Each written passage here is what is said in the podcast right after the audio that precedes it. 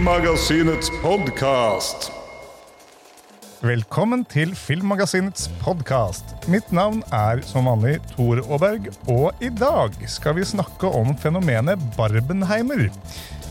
Grunn av at de to store filmene Barbie og Oppenheimer nylig har blitt sluppet med samme premieredato den 21. juli. Vi skal snakke om disse to filmene, og vi har i den forbindelse med oss to gjester. Vi har med oss Merete Gamst, som står bak mammapodkasten Positivista, og som har bakgrunn som filmjournalist i Hollywood, også for VG. Og så har vi min fasteste av faste gjester, Filmmagasinets egen Madeleine Krogh. Hallo. Velkommen skal dere være. Hei, hei. Takk. Takk, for det. Så bra. Jeg tenkte, Siden du- du er ny og fersk, eh, Merete, kanskje du kunne fortelle litt om deg selv og om podkasten din? Ja, jeg tenkte jeg bare begynte rett på Hollywood. Ja. Nå er det en stund siden, men eh, jeg flytta til eh, Los Angeles i 2012. eh, og det var rett og slett for å rapportere om populærkultur. Og film er gøy og spennende, så det var en stor del av jobben min å rapportere om de nyeste filmene som kom ut fra USA i hovedsak.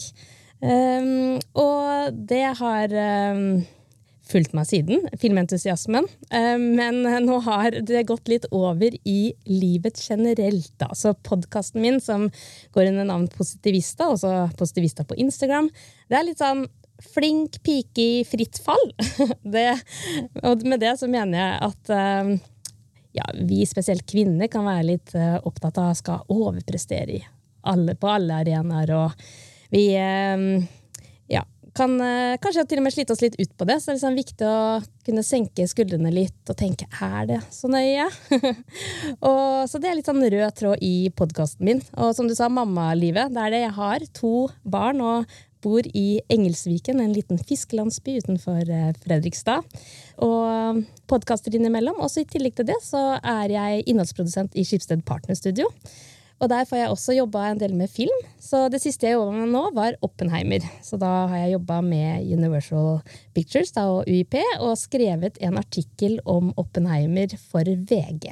Så da har jeg fått dypdykka i eh, den fascinerende personen som eh, Robert Oppenheimer var. Så jeg gleder meg til å snakke mer om det her hos deg. Da er du på riktig sted til riktig tid, eh, og det er veldig bra at du har da god oversikt over Oppenheimer. Kjempebra.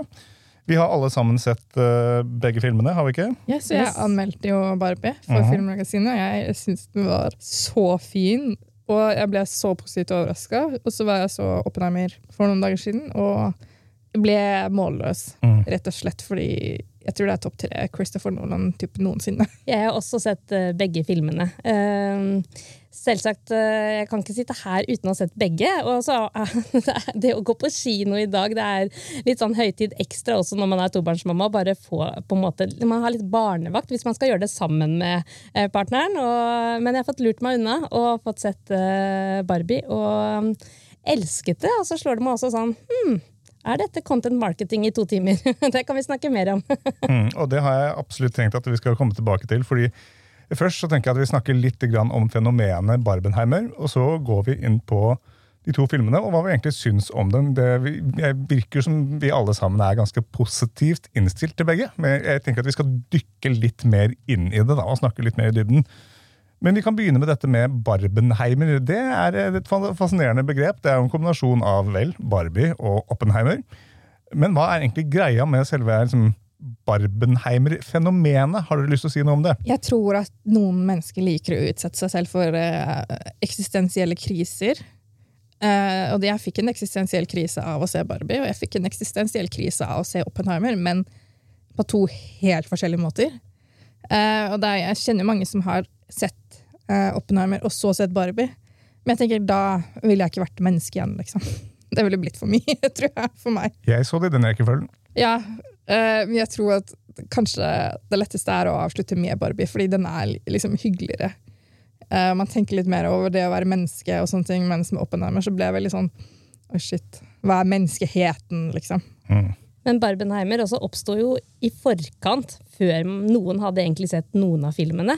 Så det var jo det at uh, begge hadde premieredag på samme dag. Um, og det har man jo sett tidligere i, historien òg, om det er uh, to som gir ut album på samme dag. Husker uh, 50 Cent og Kanye West som ga ut på samme dag, som ga hiphopen en sånn gigaboost og kommersialiserte hiphopen.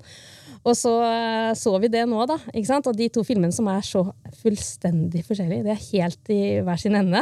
Eh, Sjokkrosa møter veldig, veldig mørkt. ikke sant? Det er atombomben. Så begynner jo disse memesa å gå. da, At eh, folk eh, sitter hjemme og ok, her er det litt humor. Og så begynner de å gå på, på TikTok spesielt, da. Og de har jo spredd seg raskere enn, enn atombomben. altså det, det, tok jo helt av. Så, så, det var jo på en måte mm, det som også Det var jo en på Twitter som først skrev Barbenheimer. Og så på en måte har det jo bare eskalert fra det, som har gitt det en skikkelig boost. Så da er det jo gøy å se disse spinnvilla kinotallene fra hele, ja, spesielt da, USA og i Norge nå. Også, det er ganske drøye. Jeg har, sett, jeg har, jeg har tall, jeg sitter og ruger på noen tall her, og, og, det er drøyt hvor mye merchandise og Altså Ikke bare Barbie og Oppenheimer, men Barbenheimer merchandise. Det er fete T-skjorter, det er kul liksom, uh, fanart, folk har jo lagd trailere.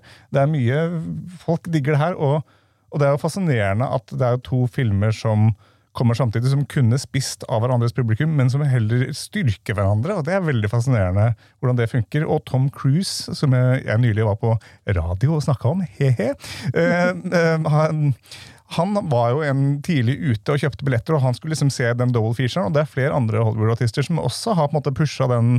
Kom igjen, gå og se alle sammen. Men det er jo nesten fem timer film, hvis du kan se det på en dag. Men Det er kanskje nettopp litt uvanlig òg, at det er eh, skuespillerne altså står der og egentlig fronter begge. Men det er fordi at de ikke spiser av hverandres publikum, eh, og at det blir en event, da, som eh, kinoen jo også trenger i dag.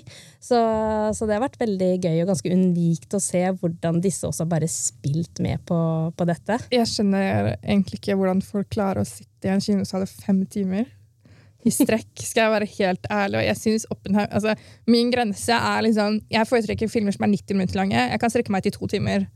Alt annet enn det, bortsett fra Ringenes herre Extended Edition, selvfølgelig. Uh, det blir liksom for lenge, mens Oppenheim føltes ikke så lang. Men det er fortsatt tre timer mm. i en stappfull kinosal. Det er det du gjør den dagen. ja, det var, det var, faktisk det jeg gjorde den søndagen. Vi um, hadde billetter til filmvisning klokka halv to. Vi så den i Imax. Man må se Oppenheimer IMAX. Uh, og vi var hjemme klokka halv seks. Mm. Det var den dagen, liksom. Så hadde du ikke klart å presse inn Barbie? Nei, fordi Barbie er en egen greie, det òg. Jeg ble også liksom mentalt sliten av den. Fordi det var så veldig in your face hele tiden, mens med Oppenheimer den er veldig sånn subtil, og du må liksom følge med. Men jeg syns ikke Barbie hadde den samme viben, da. Mm. Og det er egentlig litt deilig. Mm. For Det ene er jo en fantasy-komedie, og så er det den andre en slags mer biografisk thriller. Ja, hvor det er liksom ting du må følge med på hele tiden. Jeg søkte jo opp på best eh, hvor, Når skal du gå og tisse? Under Oppenheimer, liksom. Hva er det du kan gå glipp av uten at det går utover plottet? da? Fordi det er tre timer. Det skulle jeg ha faktisk googla. Det er smart. Ja, og jeg får jo ja, faktisk. Oh, det, det, er absolutt informasjon jeg trenger. Det som skjedde, nemlig, var jo at um, siden vi hadde ordna barnevakt, så sitter jo jeg i denne kinosalen uten dekning, men har fått beskjed om at husk på det, at jeg må få tak i deg hvis det er krise. Da sitter jeg der ute. Når skal jeg gå ut? Jeg må sjekke at det går bra der hjemme. Mm. Sånn er det, da, for mm. vi mødre som skal sjekke at det går bra.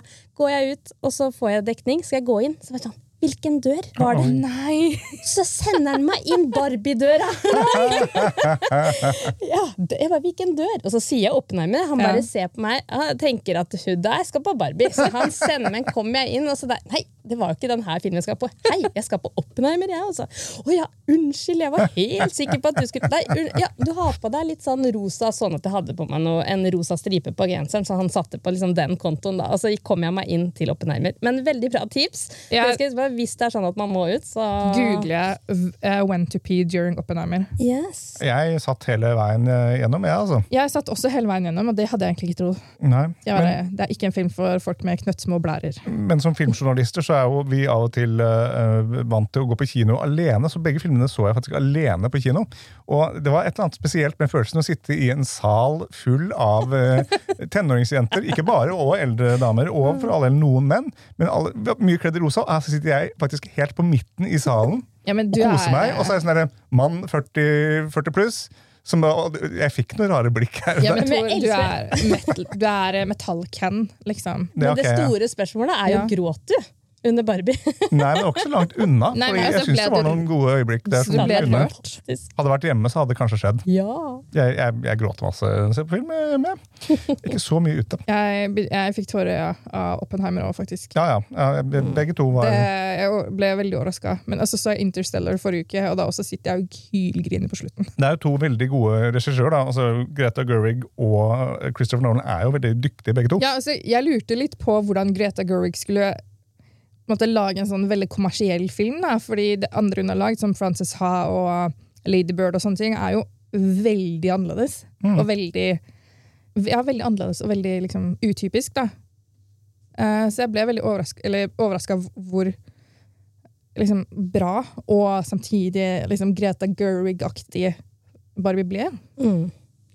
Og det er veldig mange som nettopp sier det, at de blir så overraska. At det er ikke det de Nei, ikke det jeg forventa i det hele tatt. Nei, fordi for Man forventer kanskje at det er noe liksom litt mer platt og Liksom enkelt. flåsete og enkelt, og ikke liksom så dypt, og du sitter her og bare ser den scenen med America Ferrera og datteren og sitter her i kinosalen og bare begynner å stufse, liksom. Men det er jo, på en måte, jeg har på en måte funnet fram likheter mellom de to filmene. Da har jeg fun- fun- funnet en del. Det ene er jo at jeg, jeg vil si at jeg har sett begge to, akkurat som dere. Og jeg vil si det er to veldig gode filmer.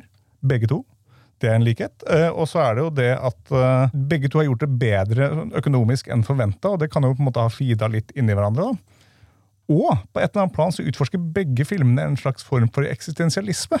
Og menneskelig natur. Og det hadde man ikke nødvendigvis forventa av Barbie, da, for eksempel. Nei, og liksom, jeg gikk ut av kinosalen etter å ha sett Barbie og bare sånn, satt på trikken og bare Hva er et menneske? Hvordan kan jeg være et godt menneske? Liksom? Hvordan kan jeg bli den beste versjonen av meg selv? Mm. Mens med Oppenheimer så var det sånn Herregud, mennesker er faen meg sjuke i huet, liksom.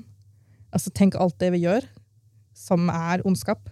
Mm. Og noen små feiltak, og plutselig Ja. så er vi borte alle sammen. Ja, plutselig liksom, så mm. tenner man på hele jordkloden, liksom. Mm. Det er rart, det der, altså. Ja. Og en annen ting som et par andre liker, det er det at det er, eh, begge er på en måte Oscar-nominerte manusforfattere og regissører. Det er litt, eh, og stor ensemble-cast, begge to. Og interessant nok, produksjons... måte, eh, production companies er jo da drevet av sånne her, eh, husband and wife teams, begge to. Så det, er sånn det, er et par likheter som jeg syns er interessante, men ellers er det diametralt motsatte type film. Men det er nettopp det at det er også noen likheter som, og at motsetninger som gjør at også dette har blitt det store fenomenet som, som det har blitt. Og det er jo alle markedsføreres våte drøm å kunne få. ikke sant? Det her er det man drømmer om. Det her er jo blitt et fenomen. Det har bare vokst seg så stort. Sånn at man ser at hele økonomien i USA har gått opp i juli, og de setter det på knaggen dette, på Det er at disse filmene. Eh, at, eh, så, så det er også på en måte forbruk også på, på klær og sånne ting har gått opp. Da. Så de, de kan være også synsing, men, eh, men de ser det at eh, den julimåneden med der når disse filmene ble sluppet, så har det gått opp, da. Ja, så, så det er interessant å se ringvirkningene her. Jeg tror jeg leste at, at eh, ja, juli måned i år har hatt de største kinobesøkstallene i Norge siden 2009. Var det da Max Manus kom? Nei. Eh, ikke still disse spørsmålene! Jeg husker ikke! Nei, Max Manus kom kanskje i 2008. Men i hvert fall så er det veldig gode tall. Det har vært sommer, det har vært for det meste fint vær. Ja, men juli har vært kjip, ass. I Ja, Oslo, litt sånn omskiftende, men fortsatt så har det vært enormt mye mer kinobesøk, og det er nok mye pga. disse to filmene. da. Og de har jo, vi snakka litt om uh, Litt Mission Impossible. Ja, ja, ja. Litt. Det var absolutt det, men disse to filmene har faktisk gått, eh, gjort det enda bedre enn den syvende Mission Impossible-filmen. Ja. Er det lov til å juble litt over det, eller som Tom Cruise hater, liksom? Jeg skal ikke uttale meg om det her for mye, siden jeg bare snakka om han. Men eh, Barbie har dratt inn som på et globalt plan over 800 millioner dollar. Det er mye penger. Og 450 millioner dollar for Oppenheimer. Det er mye, ass. Mm. Det er veldig mye. Vilt mye penger. De gjorde det helt sinnssykt bra. Jeg tenkte en av um, de likhetene mellom filmene, det er soundtracket. Altså Begge har et sånt innmari bra soundtrack. Jeg sitter og hørt, i, hørt, um, hørt på Dua Lipa i bilen, liksom, fordi soundtracket til Barbie er så innmari gøy og annerledes enn uh, uh, Oppenheimer sitt soundtrack, som er veldig sånn intenst og dypt og liksom ja, veldig sånn tungt. da. Mm. Skal vi gå kanskje litt inn i filmene? Skal vi begynne med Oppenheimer eller Barbie, tenker dere? Jeg vet ikke, altså Hvilken rekkefølge ville dere sett i, ja, hvis dere skulle tatt en Barmenheimer? liksom? Um, jeg har, ja, Det er en ting jeg faktisk har lest litt om, for folk har hatt litt forskjellige meninger på nett om det. Sånn som selve Margot Robbie i seg selv. Hun mente at man burde se Barbie først, og så Oppenheimer, og så Barbie igjen. Ja, det er mange Ja. som har sagt. Men jeg tror også det at man eh, avslutter med Barbie for å på en måte Ja, man mener jo at den er jo litt mer eh, lystbetont, selv om også Ja, man kan ta noen dypdykk i seg selv der òg, så er det mm, i hvert fall Man går ut med litt mer rosa, da. Men det, det er noen som mener at på en måte, hvis man ser Barbie først, så er det som å ta desserten før middagen. På en Ja, måte. men at man du burde hva? spare Noen ganger, altså Det beste med å være voksen er at man kan spise desserten først. Sant? Man kan gjøre det.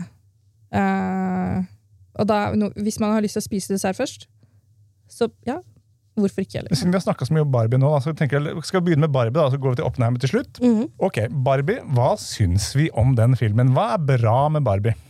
Hvor er det man skal begynne, egentlig? Altså, jeg ble overraska over feministdelen av det her, og at patriarkat og hester henger så tett sammen. Og det, det var en kobling jeg ikke har sett før. liksom. Eh, og hvordan Ken også er en slags incel. Eh, og det var fint å se det. Men jeg ble også overraska over hvor mange menn som på en måte har vært sånn Å, herregud, kan de ikke lage filmer for oss? Eh, eh, ok. Hallo, liksom. Uh, altså- det fins ikke noen filmer for menn, er det det Nei, du sier? Nei, hvor mange action, eh, eh, f- altså actionfigurfilmer har blitt laget, liksom? Mhm. Innmari mange. Ja, det er noe med det. Jeg likte også hvordan ikke sant, Du har Barbie-verden da, som styres av jenter som sitter og leker med disse Barbie-dokkene. Spiller på det. Mm. Og så speiler, kommer de inn i den virkelige verden. Og så er det plutselig Oi, nå, går vi, nå tar, står vi på rollerblades nedover Venice Boulevard, og så um, sier jo Barbie at åh, nei, jeg liker ikke det. De titter på meg, jeg føler at dette ikke er greit, jeg føler meg litt trua. Og så har du Ken som bare åh, ja, det her, de liker meg. Ikke sant? Den, er, det bare, den første scenen der eh, sa så mye, da. Og mens eh, Barbie på en måte står der og får kjeft for at eh, hun er roten til alt eh, som er galt, så er Ken ute og søker jobber fordi han er mann.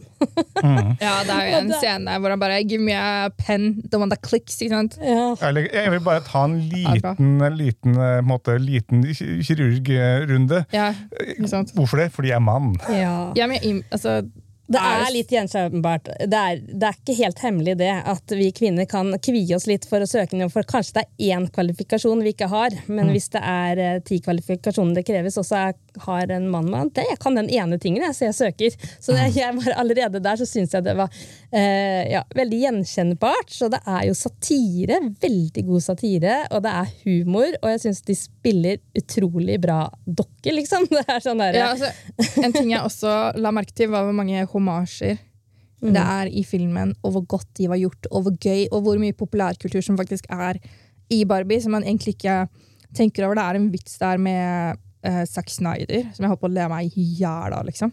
Bare, det der med, um, det metaperspektivet på vår egen kultur også, syns jeg også var Det var gøy. Så synes jeg Og Margot godt. Robbie sa til intervjuet at det er det, var det fire-fem Stanley Kubrick-referanser. Jeg tok ikke Ja, alle, men, jeg, nei, jeg men ikke de fleste. filmnerder som så de. Og jeg bare Nei, har de seriøst gjort det her? Og så bare klarer de å gjøre det så innmari godt også. Ja, jeg- er Hva syns vi om skuespillet, liksom? Det, rollene. Hva, hva, hva var de beste rollene? Obviously Barbie er vel eh, Og Ken er vel kanskje de man tenker mest på, men uh, Michael Cera som Alan. Mm. 100 Ja. Altså, han er bare han er eh, undervurdert. Jeg syns også uh, Kate McKinnon som Weird Barbie var så fet. det kunne jo ikke Helt. vært noen andre enn hun. Liksom. Og denne rollen er jo skrevet for hun. Det er helt, helt nydelig, og den filmen trengte henne. Og, men selvfølgelig Margot Robbie, som er, hun er jo Jeg syns hun er helt fantastisk uh, i, den, uh, i den rollen. Og så tenkte jeg sånn Når jeg hørte at Ken skulle bli spilt av Ryan Gosling, så var jeg sånn Åssen er det å få han å lande en sann rolle? Fordi det er nettopp hva, forvent, hva er det forventningen til en Barbie-film, da? Og så ser man filmen, og så bare nailer han det jo så. Og så er jo filmen noe ganske annet enn hva man kanskje aller først så for seg også. Eh, og han, eh, han nailer det litt sånn overraskende eh, liksom, ja. Han er en himbo. Ja, Han er himbo, ja. en perfekte himbo. Eh, og um, jeg ble også overraska over de, de musikalske innslagene hans. Han faktisk synger selv. Ja, men han har jo et band som heter Dead Man's Bones, Jaha. som er godt. Og det jeg driver og hørt masse på, og det er også veldig gøy, fordi han starta sin karriere i Mickey Mouse Club. Ja. Sammen med, med annet Christina Aguilera. Ikke sant? Han er jo en theater kid. Mm. Hvis dere har sett La La Land, så blir jo det tydelig der òg. Han, Jeg kan- elsker jo La La Land. ja, men han kan så mye mer, Ja. og det er så gøy. Og han tar den derre method-actinga som Jeremy Strong fra Succession ikke klarer, Mm. og gjør det til sitt, liksom. Og jeg har sett uh, så mange intervjuer hvor han bare Det var et intervju med GQ på YouTube eller noe. Mhm. eh, med Ten Things Ryan Gosling eh, must have. Og så en av de var en bok om hester. For det var en referanse til Barbie. Jeg holdt på å le meg i hjel. Og det er så godt å se at han er på en måte Han er Ken. Mm. Han er Knuff. Han er liksom He's Knuff, ja. Ja, han er Knuff. Det er altså så gøy. Og selvrealiseringen etter hvert. Liksom, og, og, men jeg synes også America Ferrera, hun, Ja, som, er, hun som også spilte i annet serien Superstore, som jeg også likte kjempegodt, faktisk. Eh, hun syns jeg også er en god rolle. Mm. Liker den skuespilleren. Tenk at folk kalte hun feit på begynnelsen av 2000-tallet, liksom, med Glibetti og sånne Ja, ting. ja, ja. Det er sånn Herregud. Folk, ass. Ja, folk, Folk, ass. Men apropos folk, ass, når du går inn og ser de der eh, Får litt sånn gjensyn av Barbie-dokker som har eksistert. Jeg liker at det er litt uh, historiske referanser òg, da. Velkommen til Kjemperådet! Denne gangen har vi fått inn et kjempedilemma fra en familie. Jeg leser Hei, vi er litt uenige i familien her. Hvis du skulle vært et dyr, ville du hatt gjeller eller vinger? Oi, den er tricky. Ja, Hva ville dere hatt, da? Altså, jeg vet ikke, men Med familierabatt får de ubegrenset data fra Telenor fra 399 kroner. Da kan de jo scrolle seg til svaret, rett og slett. Ja, ok, Men for min del Ja. gjelder. Nei, nei. Nei. nei, vinger. Nei, nei, gjelder. Ja, okay, ja, kjempebra. Men uh, se nye mobilabonnement på telenor.no, da. Skal du pusse opp eller bygge noe nytt? Ikke kast bort tid på å lete etter håndverkere selv. Gå inn på mittanbud.no og lag en beskrivelse av jobben du ville ha gjort. Så mottar du tilbud fra flere erfarne håndverkere som du kan sammenligne. Med mange tilbud er du sikrere på at du velger riktig bedrift, og at jobben blir skikkelig utført. Mittanbud.no få jobben gjort.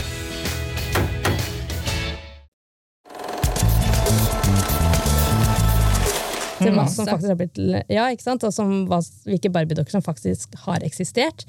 Og så det var en gravid Barbie. Nei, nei, hun ble skrota for æsj. det er bare- Ok, midge. gra- Ja, gravid, det skal vi ikke ha nå. Og så tenkte jeg så var det en sugar daddy. Jeg bare, Sugar Daddy Ken, ja. og så var det en med TV bak, og så tenkte jeg ja, akkurat som jeg liksom husker å ha sett det. Så er det sånn, why? Og så er det sånn, eh, er det fordi noen skal kunne se hun bakfra og se på TV samtidig? Altså, I don't know. Men det er ganske skrudd. Og det at de tar og ja, får det fram, det er litt sånn syke og skrudde med den verden. Og ikke sant, du har styrerommet med menn når hun kommer, og det er en del sånne ting som Ja, det er um, Men jeg ønsker meg virkelig en depressed Barbie. Ja, Ja, ja, det ja. er det. Lett. Den var nydelig. Ja. Cellulite Barbie. Eller, altså, og jeg syns jo faktisk det at den filmen her er så ekstremt selvbevisst på hva den er, gjør den bare enda bedre. Det er gøy når filmen på en måte blir så tar så metakritisk blikk på seg selv. liksom. Ja, masse om er kjønnsroller. Kroppsimage er jo knytta opp Å nei, Barbie. Barbie får en stellulitt. Å herregud, det er verdens største krise, liksom. Ja, ja. Men hvordan er salget til Barbie nå, da? Jeg som også driver med markedsføring. Det er sånn ehm, Er det Mattel, hvis jeg heter? Ja. Ehm, hvor, det er jo så mye logo, det er så mye i monitor. Det er to timer ikke sant? hvor man uh, får de inn. Um, og salget har jo gått i vær, så plutselig er Barbie kult igjen. Mhm. Og det er jo noe med å se de filmene nå som lages om merkevarer, da. Ikke sant? Er det, hva er egentlig avtalen i, før man lager dette? Hva, hva blir man enige om? Jeg kjenner ikke til de avtalene her, men det er jo også noe litt sånn Ja, er jo litt kritikkverdig også, på et vis. At uh, man ja, lager bare det er, det er film om et brand for å også, ja, for noen, selge mer. Ja, ja. Det er det er monstrøs. Ja. Lego-filmene. Og så Mattel har jo produsert Barbie-filmene. Har de? Jeg tror det. Jeg tror de er eh, executive producer et eller annet. De er inne der. Et, ja. Definitivt. Mm, mm, det er en Um, avtale der som Det er det. Og det, jeg tror ikke det jeg tror, Det er veldig mange på min alder, er som typ 30 pluss, som bare får lyst til å gå ut og kjøpe seg en Barbie for å liksom komme i kontakt med sitt indre barn igjen. da. Men er det noe dere syns kunne vært eh, kritikkverdig med Barbie-filmen? da? Jeg lurer litt på om Greta Gerwig Hun sparker jo ikke sånn kjempehardt fra seg heller. Kunne vært mye drøyere. Ja, og så tenker jeg sånn Men hele filmen er jo også å være sånn litt passe. Det er jo litt av, ikke sant? Er det, er det en del av Er det planen? At hun også ikke skal sparke for mye, fordi det er også egentlig budskapet i filmen. At uh, hun Vi kvinner på en måte, vi skal være morsomme, vi skal ikke være for morsomme. Ikke sant? Vi skal tjene penger, men aldri snakk om det. Da er vi grådige. Ikke sant? Hele den altså, fantastiske talen jo- uten å røpe for mye, men den, var bare, den, den traff meg veldig. Ikke sant? Du skal være en god mamma, men for guds skyld, ikke snakk for mye om barna dine. Hele den traff meg veldig. Og så er det da ikke sant, den der vanskeligheten at man skal på en måte navigere i det, da. og så kan du egentlig aldri helt treffe blink. Og så har du henne på slutten som egentlig ikke sparker spesielt hardt, som hun kunne gjort. Men hun gjør det ikke. Hva tenker du om det? jeg, jeg lurer litt på om det kanskje er med vilje, dessverre. Uh, kanskje hun ikke bare turte fordi den er produsert av Mattel. Rett og slett. Så kanskje det er sånn økonomiske Kanskje. eh, greier som på en måte har gjort at hun ikke kunne skrive den filmen hun egentlig ønska å skrive. Mm. Hvis du ser på eksempel Lady Bird, som er en Der sparker hun ganske hardt fra seg. Eh, I Frances Ha også, som hun har skrevet. Uh, også ganske intenst. Så kanskje hun bare ikke følte at hun kunne gjøre det. For å liksom ikke miste prosjektet. Kanskje, men det har også vært mye hissige folk, særlig da menn på, på nettet. Ja, som både, er det menn. Dette er Menn aggressiv er feminisme!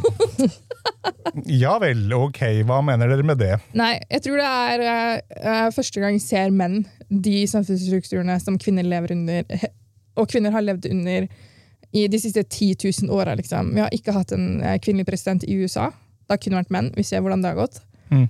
Jeg, er ikke, jeg er ikke en sånn kvinnehat, nei, mannehater, men jeg skjønner jo at de reagerer når de endelig får se svart på hvitt hvordan det er å være kvinne. Liksom. Og hvordan det ville vært om rollene var snudd. Mm. Mm, Jeg syns det var en ganske veldig sterkt og fint virkemiddel. Og, og, og som du sier, den der hvor vi snakker om kvinner skal være sånn, men ikke helt sånn. Jeg synes også Den var veldig treffende og interessant. Mm. Jeg følte meg ikke støtt av det. Jeg bare, hm, interessant, Interessante poeng. Dette er sannsynligvis ganske mange menn ikke Men jeg tror det er fordi du har, du har mye flere hjerneceller, Tor, enn eh, de, de eh, sinna maga mm -hmm. folka som ser på det, da, og har sånn hat i blikket. Og herregud, alt er blitt woke og alt sånt. Eller at noen skal skrive sånn der Ja, denne filmen her prøver å gjøre alle homo. Ja, Men, wow, virkelig. Really? ræva, liksom. Da har du ikke Altså, skjønt filmen, din Hvis, nepe. Eh, hvis du skal en film til for å gjøre deg homo, liksom, så kanskje du er virkelig grann homo fra før av. Ja, der har vi noe. Altså, jeg vet ikke. Hvorfor føler folk seg trua av det her? liksom? Det er fascinerende. Det også er en sånn ting jeg egentlig ikke helt forstår. Da. Hvordan noen kan føle seg trua av en film som, hvor målgruppa ikke er menn, men barn og kvinner Mm. og jenter. Skal jeg begynne å føle meg trua hver gang jeg ser eh, en Avengers-film? da? Nei, det er ikke sånn det er. Som jeg av Jeg tror det er noen alltid som vil true seg når man ser sterke kvinner. Og det her er det jo på en måte sterke kvinner også satt i et eh, form for system, da, ikke sant? som lurer gutta, sånn at uh, damene kan komme inn og styre. Og det er jo klart at noen føler seg litt trua av det.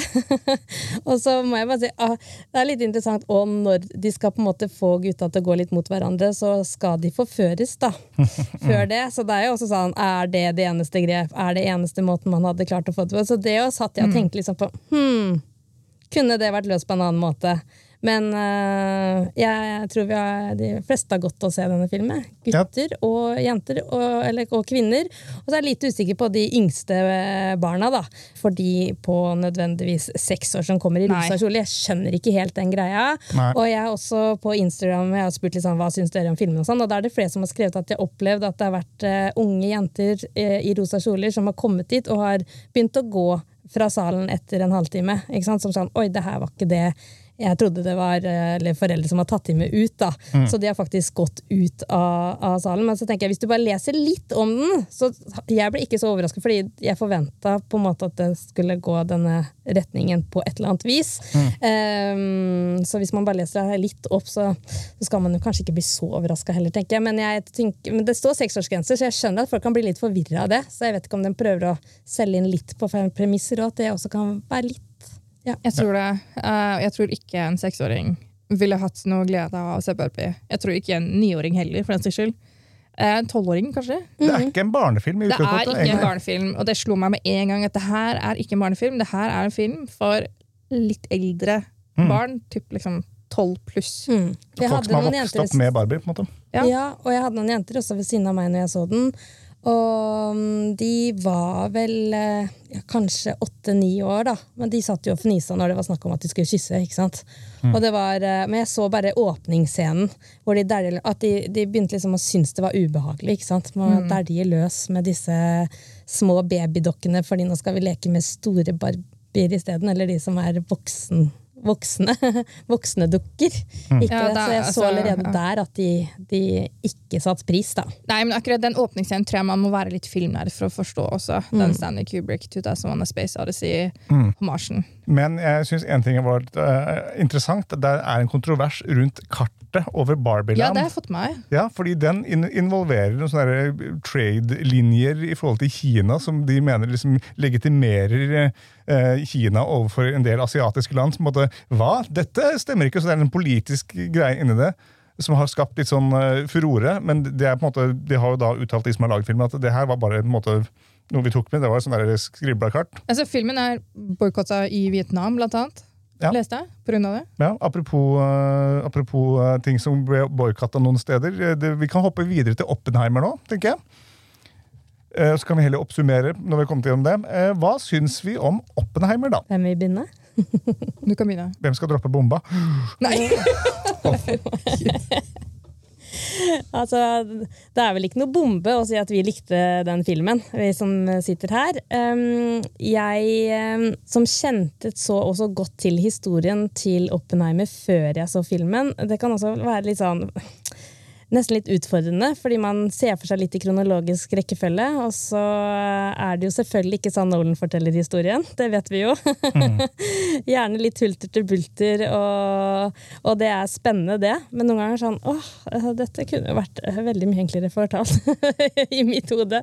Men, eh, men det er jo det som gjør det spennende òg, selvfølgelig. Um, Jeg eh, syns Altså, jeg kjente at jeg dirra, jeg, når det var snakk om at når de skulle trykke på den knappen. Det er sånn, ok, eh, det er en sjanse for at verden går under når vi trykker på den eh, knappen. Fordi eh, vi vet ikke. Dette har aldri gjort, blitt gjort før. Det er en kjedereaksjon. Det kan hende den blir så sterk at den aldri stopper. Den ødelegger atmosfæren, og jorda går under. Men vi gjør det likevel. og det å på en måte sitte der og ta, at Nolan tar oss med inn i det rommet, som han også har liksom uttalt, at han ønsker at liksom, ta med publikum inn i det rommet og være der i, liksom, under de samtalene. Eh, det er jo utrolig interessant, for det har endra verden for alltid. Og den scenen der, eh, Trinity-bombinga, eller eh, sprengningen, det var det var selvfølgelig et eh, sterkt sterkt høydepunkt eh, for meg i, filmen, for mange, tror jeg. Samme her. Eh, så så da, den, den kjente jeg. Da, da rant tårene mine. Der sa han shit, det øyeblikket der. Og så var det der eh, atomkappløpet i gang etter det øyeblikket, ikke sant. Og så er det jo den derre Jeg var veldig spent på hvordan de kom til å gå inn i også psyken til det. Én ting er at ok, vi hører at eh, nazistene bygger en bombe, og vi eh, har dårlig tid, så vi må bare ansette Ikke at alle 130 000 menneskene visste at de jobba med det. Det var de færre som visste at de jobba med en atombombe. Men det er 130 000 mennesker som blir liksom satt av til dette. Og så da bygger de jo denne byen ute i Los Alamos i New Mexico-ørkenen. Eh, og de, det er et kappløp for å komme på en måte rekke før tyskerne. Og så viser det seg i ettertid at de var jo ikke i nærheten av å bygge en atombombe. Men jeg var så spent på å se i filmen hva skjer der når man får vite at eh, ok, krigen i Europa er ferdig. ikke sant? Men vi fortsetter, krigen mot japanerne fortsetter.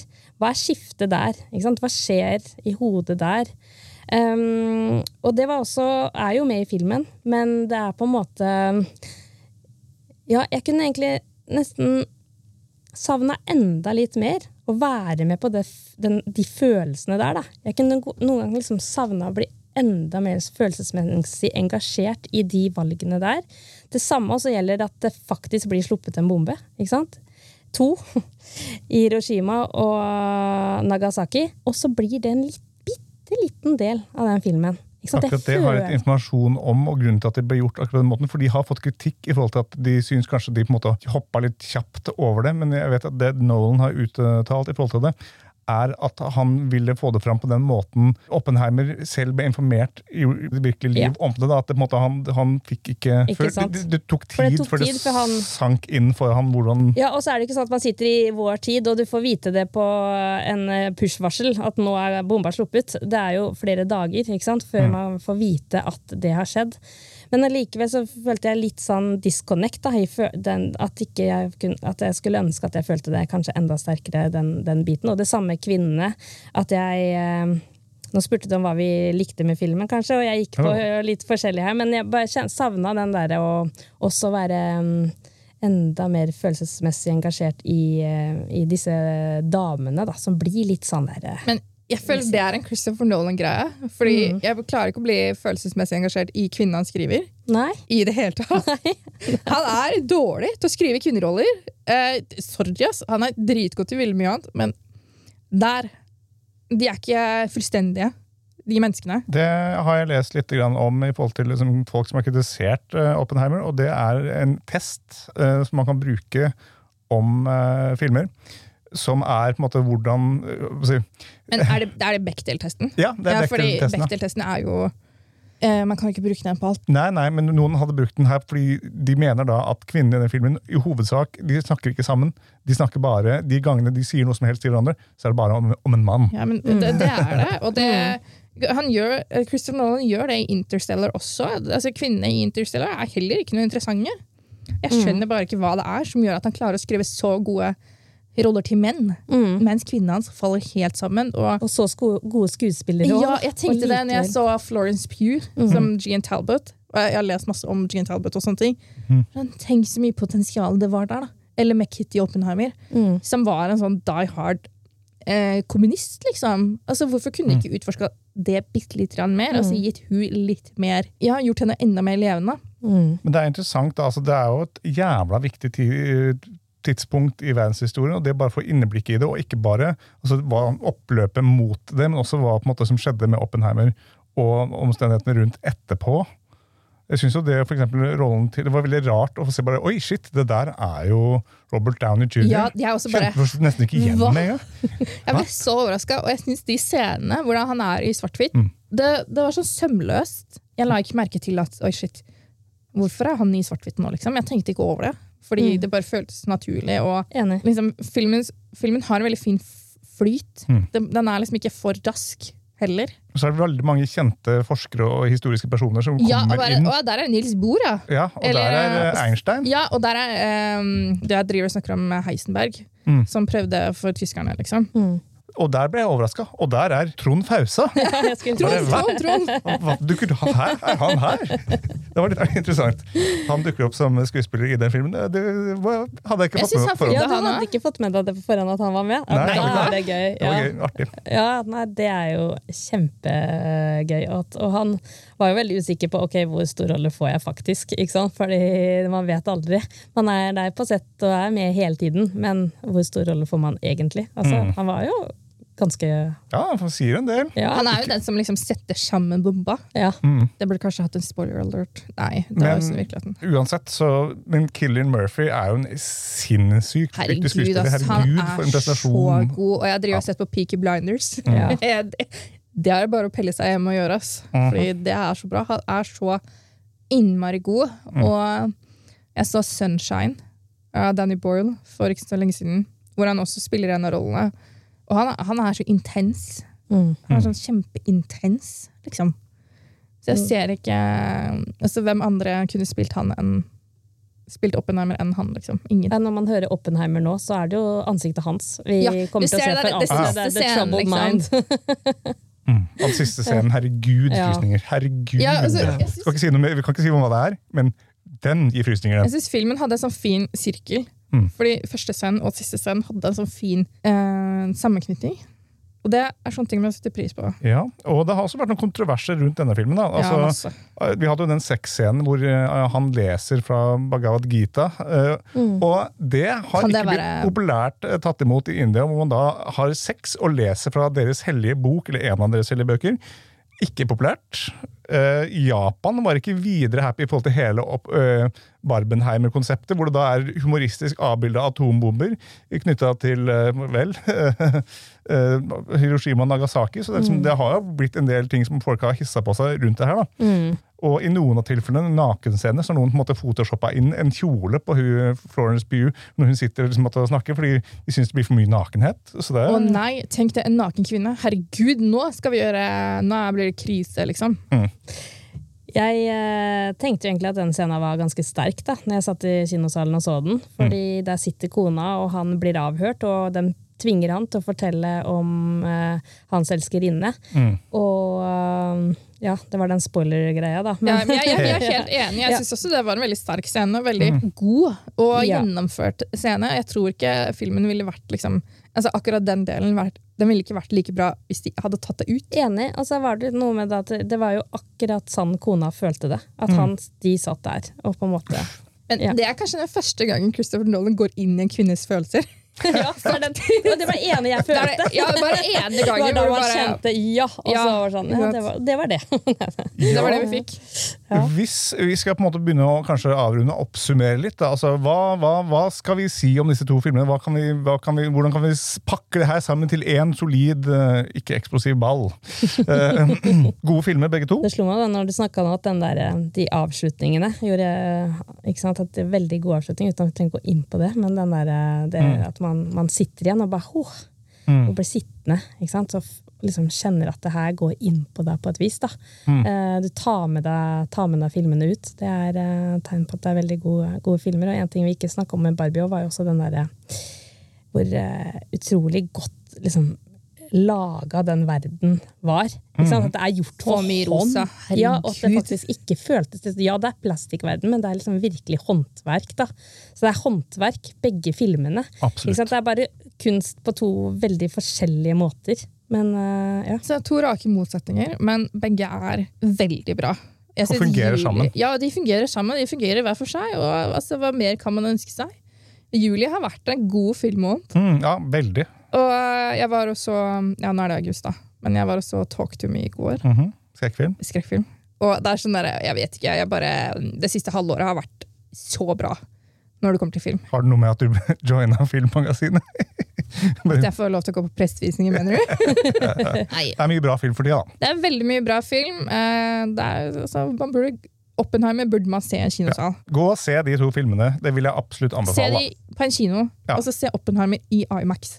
Og så er det jo noe med da at uh, Barbenheimer-fenomenet har fått så mange på kino, så kanskje dette nå er på en måte tiden for å at veldig mange også har fått den der følelsen av å gå på kino igjen og skjønt verdien av å se film på kino. Og det at det kan eh, få ringvirkninger videre at flere går på kino og ser film. Håper, det. Ja. Eh, og under pandemien så var jo Oslo var jo hermetisk stengt i halvannet år. Så det tok jo to år før jeg kunne gå på kino igjen. Omtrent. Mm. Og første eh, filmene, da så jeg A Quiet Place 2. Og det var, det var høytidelig, da. Mm. Det er sånn, ok, nå skal vi, vi skal kanskje kle på oss litt finere klær, og så skal vi se en film. For å oppsummere, gå, se begge filmene. Kos dere og bli eksistensielt uh, Men ikke skyld, på, ikke skyld på oss om uh, det blir eh, for mye for dere. Altså. nei. Det, Gjøres på eget you. ansvar. Men tusen takk for at dere kom i dag og kunne prate om begge filmene. Veldig interessant. Eh, tusen takk til lytterne. Eh, liten oppfordring er selvfølgelig hvis dere liker denne podkasten, snakk med andre mennesker, fortell dem om den, få dem til å høre på den, og eventuelt dele oss på sosiale medier. Lik og del. Lik og del. Takk, tusen takk, og farvel! Ha det. Ha det!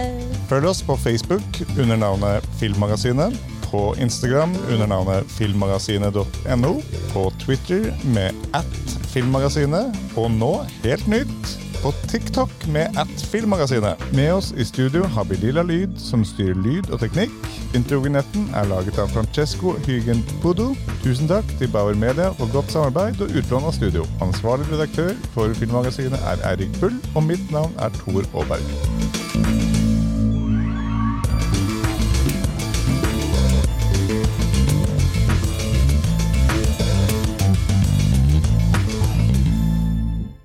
Velkommen til Kjemperådet! Yes. Denne gangen har vi fått inn et kjempedilemma fra en familie. Okay. Jeg leser Hei, vi er litt uenige i familien her. Mm. Hvis du skulle vært et dyr, ville du hatt gjeller eller vinger? Oi, den er tricky. Ja, Hva ville dere hatt, da? Altså, jeg vet ikke, men Med familierabatt får de ubegrenset data fra Telenor fra 399 kroner. Da kan de jo scrolle seg til svaret, rett og slett. Ja, ok, Men for min del Ja. gjeller. Nei, nei, Gjeller. Nei. nei, vinger. Nei, nei, Ja, gjeller. ja, Kjempebra. Men eh, se nye mobilabonnement på telenor.no, da.